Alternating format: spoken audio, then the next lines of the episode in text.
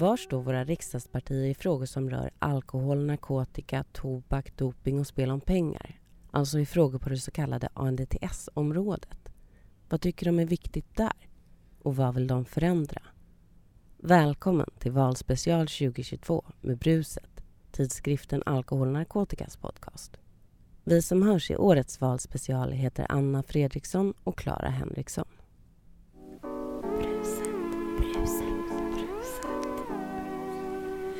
Här är min plats, 324. Eh, så jag sitter precis vid eh, utgången här. Brukar kungen gå förbi när riksmötet öppnas. Så, så det är en väldigt bra plats här i riksdagen tycker jag.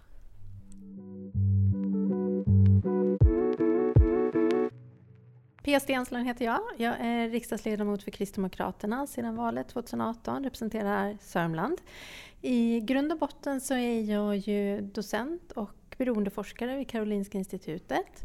Eh, jag är också ordförande för SLAN, Sveriges landsråd för alkohol och narkotikafrågor, som är en paraplyorganisation för ehm, ja, länsnykterhetsförbunden och organisationer inom det civila eh, samhället inom, inom alkohol och narkotikaområdet.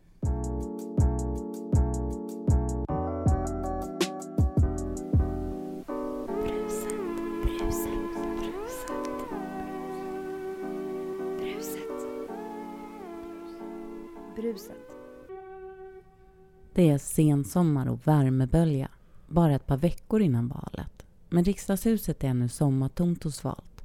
Vi sitter ensamma i riksdagens café när Pia Stensland berättar om hur hon och Kristdemokraterna ser på olika ANDTS-frågor.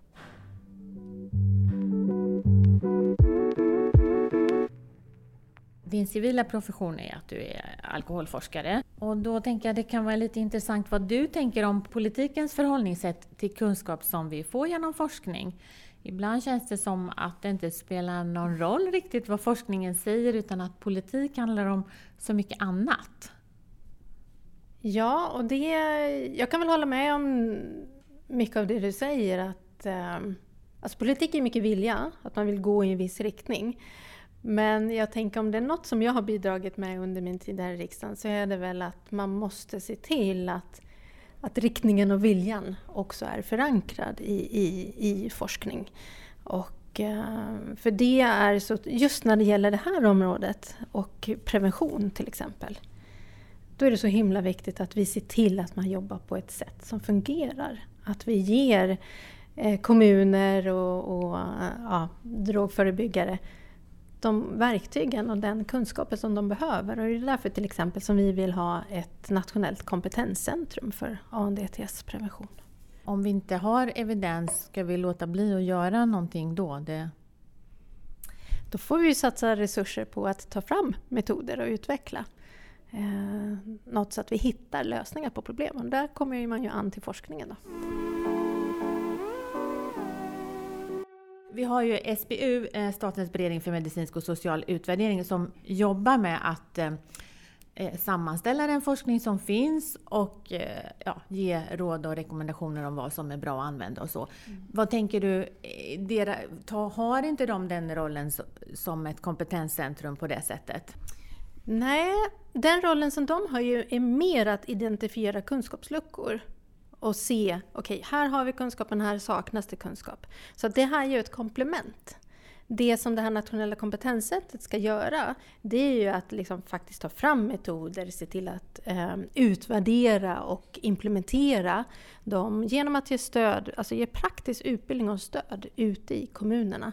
Så att det är mycket det här att det krävs också samverkan mellan så många olika aktörer i kommunerna för att det ska bli ett bra samspel.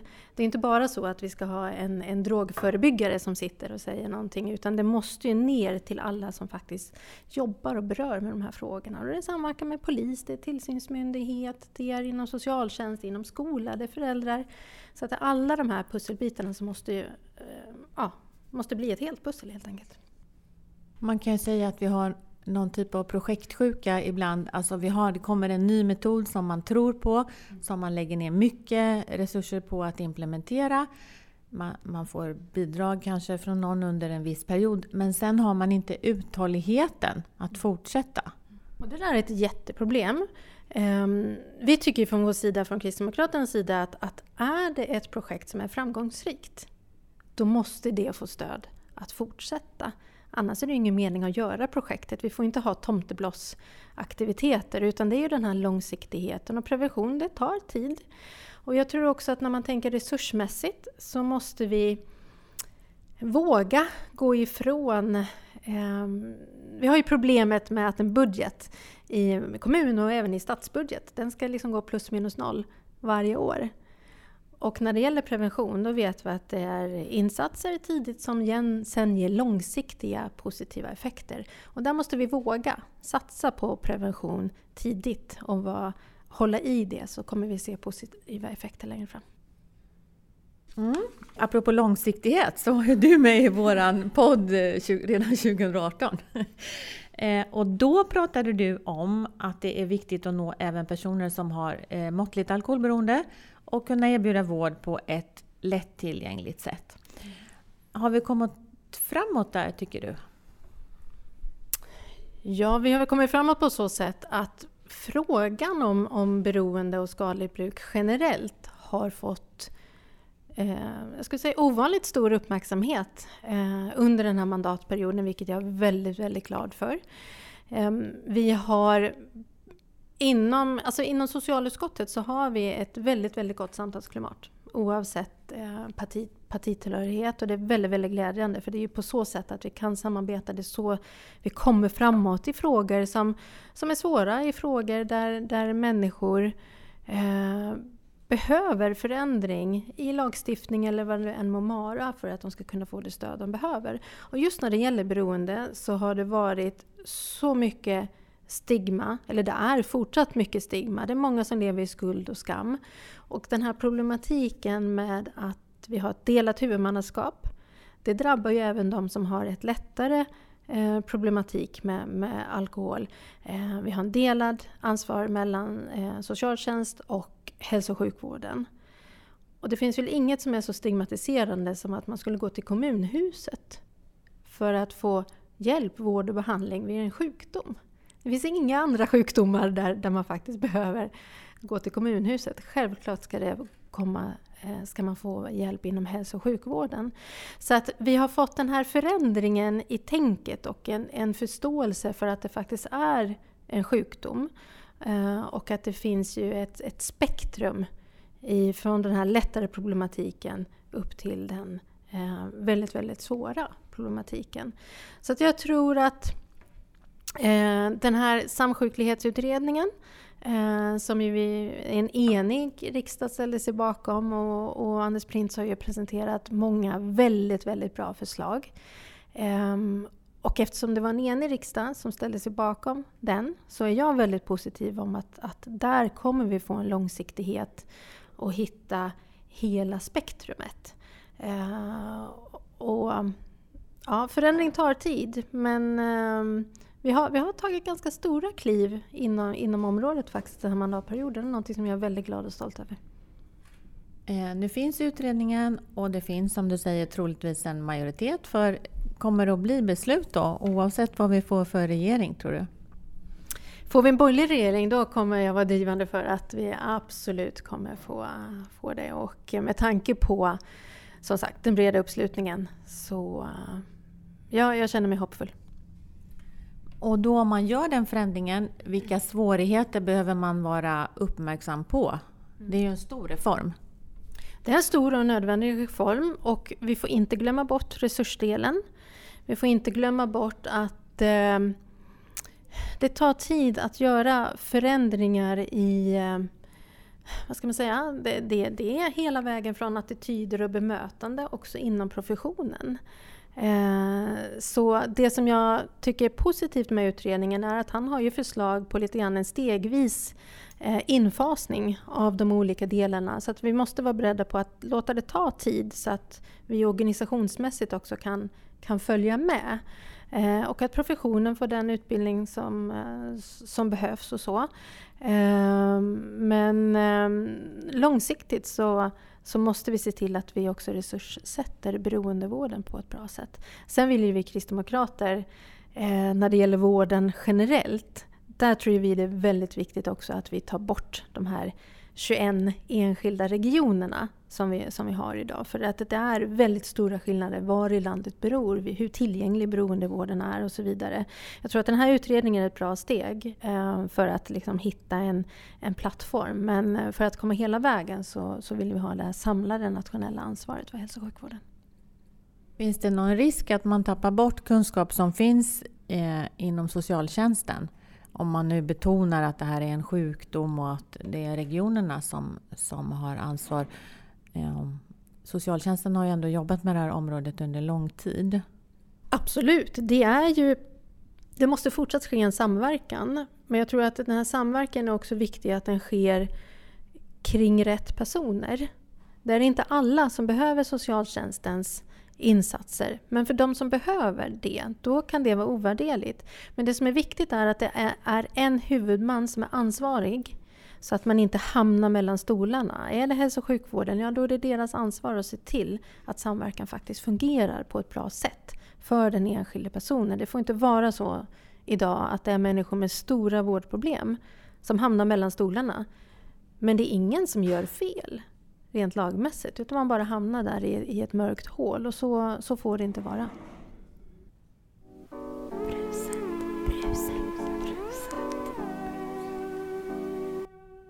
Vi har en ny produkt, det vita snuset, som har visat sig att det attraherar unga i speciellt stor utsträckning. Och här precis innan sommaruppehållet så tog ni beslut i riksdagen. Bland annat satte ni en åldersgräns för försäljning på 18 år och ni tog regler runt marknadsföring.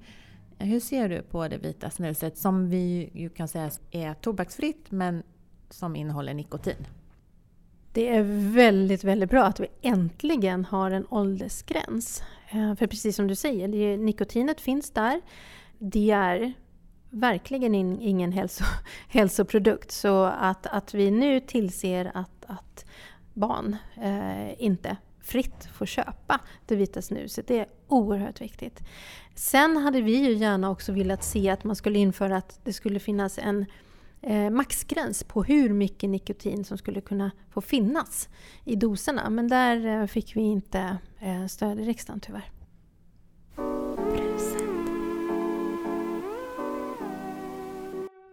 Vi har också under mandatperioden fått en narkotikautredning. Den ska inte titta på avkriminalisering och Kristdemokraterna vill inte avkriminalisera eget bruk.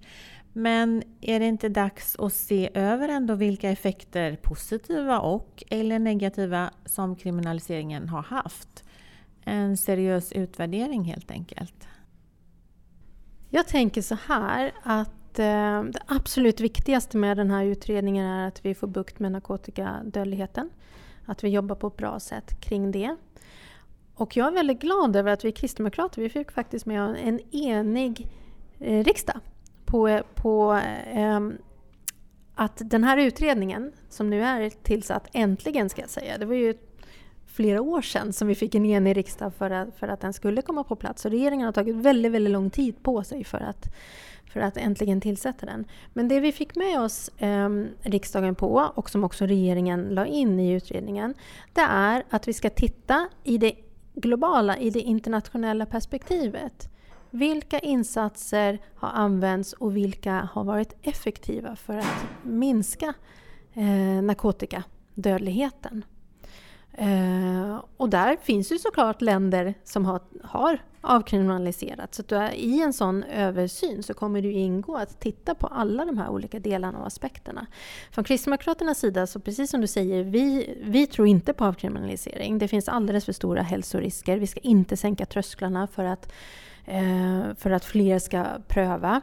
Eh, vi ser de negativa effekterna som finns i andra länder där de har gjort det här. Vi ser att det blir en legal och en illegal marknad som konkurrerar med varandra. Eh, vi ser att, att eh, bruket ökar och att de som använder använder mera. Så riskerna med det är allt för stort. Och eh, jag skulle bli väldigt förvånad om det är just avkriminalisering som skulle falla ut i en sån internationell översyn. Jag tror att det skulle vara en eh, beroendevård som är tillgänglig med sammanhållna korta vårdkedjor, kedjor, att man får hjälp när man har kommit så långt så att man kommit i ett beroende. Eh, starkt preventivt arbete såklart, men också insatser för att minska tillgängligheten så att, så att eh, tull och polis och rättsväsendet får de resurser de behöver för att, för att bryta, eh, minska tillgängligheten. Så att de här tre benen det tror jag och Kristdemokraterna är det som är de, de viktigaste delarna för att komma åt narkotikadödligheten. För den är alldeles, alldeles för hög. Ehm, varje liv som, ja, som, som släcks i spåren av narkotika, det är för mycket. I debatten har det blivit stort fokus på koppling mellan narkotika och gängkriminalitet. Ehm, hur ser du på hur det påverkar frågan? Är det negativt? Är det positivt för frågan? Det var en intressant koppling om det är positiv eller negativ fråga. Jag har inte tänkt riktigt så. Eh, kanske faktiskt att det kan vara positivt att vi lägger fokus på, för att vi ser ju att det är tyvärr eh, så att i många, vi har hemma i Strängnäs där jag bor till exempel, att, att man ser att det är de yngre som får hantera narkotikahandeln och alltså, överlämning och så när man inte är straffmyndig. Så just det här att få upp um, förståelsen för att, att, återigen, det förebyggande arbetet, att fånga upp barn och unga och stödja dem och stödja familjer där det finns eh, problematik. Eh, stödja föräldrar genom eh, eh, föräldrastödsprogram och så. Det tror jag är otroligt viktigt eh, för, för att minska eh, risken för att fler börjar använda och däremot, därmed också minska eh, den totala användningen av narkotikan. Om du fick välja nu, om du får välja, hur du vill avsluta vårt samtal. Vad, vad, vill du ta upp någonting som vi inte har pratat om? Som vi inte har pratat om? Um, nej men jag skulle faktiskt återigen bara vilja betona vikten av att vi faktiskt får en, en bra Eh, ANDTS-strategi värd namnet. Som är tydlig, som ger konkreta bryts ner till konkreta handlingsplaner så att man ute i kommuner och regioner kan arbeta med de här frågorna på ett bra, på ett evidensbaserat sätt. Där vi har en målinriktning för att minska det mänskliga lidandet och de negativa samhällseffekterna. Och återigen, det nationella kompetenscentret för ANDTS-prevention är en superviktig del i detta. Tack Pia! Tack så jättemycket för samtalet.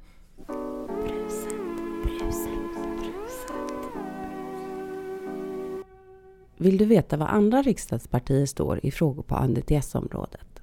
Läs tidskriften Alkohol narkotikas valenkät på webben och lyssna på fler avsnitt av Brusets valspecial. Bruset är tidskriften Alkohol narkotikas podcast och görs av Anna Fredriksson och Clara Henriksson.